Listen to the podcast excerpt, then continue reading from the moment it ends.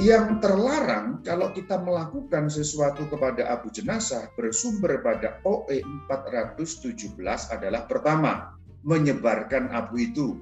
Berarti ditebar di laut terbuka, dari udara, bahkan di atas tanah.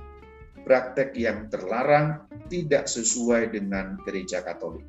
Nomor dua, menyimpan di rumah tidak diperkenankan. Rumah saudara, rumah teman, rumah siapa pun tuh nggak boleh. Jadi dua praktek ini sesuatu yang tidak cocok dengan ajaran gereja Katolik. Ya, selanjutnya kita bicara mengenai apa yang dilarang. Jadi itu kan anjurannya, aturannya, kemudian rincian-rincian.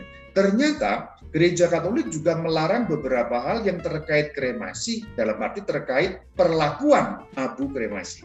Bukan kremasinya, tetapi terkait dengan hasil kremasi yaitu abunya itu.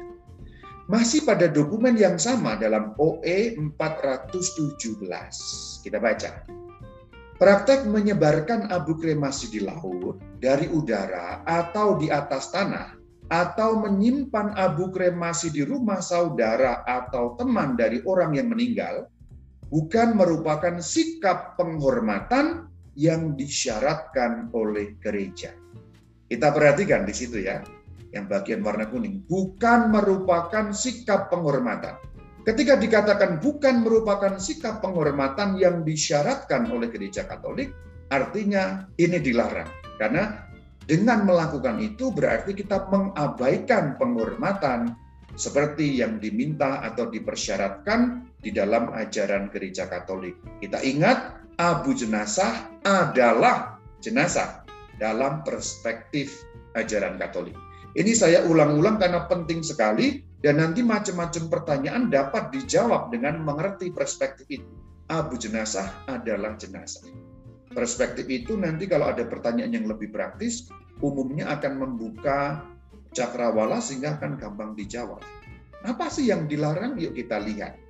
Yang terlarang kalau kita melakukan sesuatu kepada abu jenazah bersumber pada OE 417 adalah pertama, menyebarkan abu itu. Dalam arti kalau kita dalam omongan bahasa sehari-hari kita itu larung, melarung. Tidak hanya di laut, tetapi tiga hal sekaligus. Menyebarkan di laut berarti ditebar di laut terbuka, abunya dikeluarkan dari wadah kemudian disebarkan di laut itu dilarang seperti itu. Dari udara ya berarti mungkin Anda naik ke ketinggian atau naik pesawat atau naik helikopter mungkin seperti itu. Anda terjun payung kemudian dihambur-hamburkan di udara.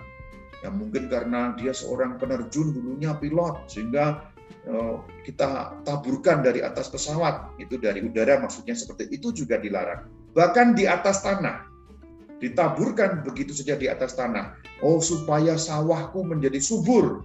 Ini abunya bapakku, aku tebar di sini. Supaya eh, peternakanku menjadi bagus. Abu engkongku, aku tebar di sini, itu berarti di atas tanah. Atau tanpa alasan. Seperti itu, ya mungkin langsung ditebar begitu saja di atas tanah, itu tidak boleh. Intinya, tidak boleh ditebar baik di laut, udara, maupun tanah. Ini praktek yang terlarang tidak sesuai dengan gereja Katolik.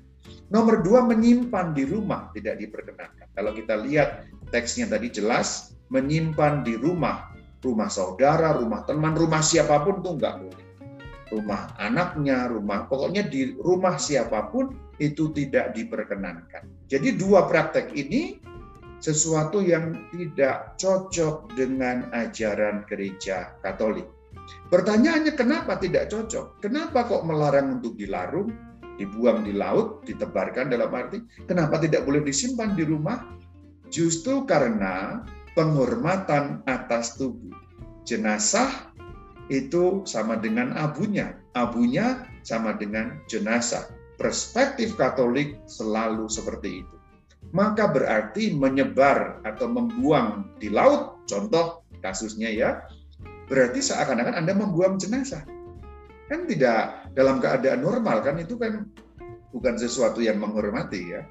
Ya artinya misalnya ayahmu meninggal, kamu bawa ke laut, utuh-utuh badannya dibuang ke laut. Ingat, abu jenazah adalah jenazah yang meninggal, penghormatan atas tubuh. Jadi itulah landasannya kenapa dua praktek itu dilarang. Itu mengenai apa yang dilarang. Sekarang ringkasan saudara-saudari.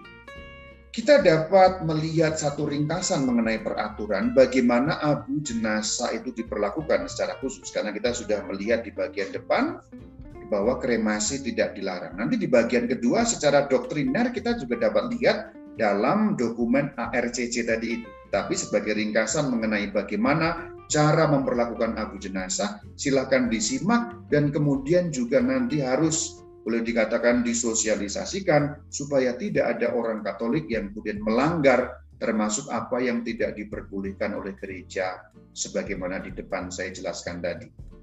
Ringkasannya seperti apa? Pertama dari tiga cara adalah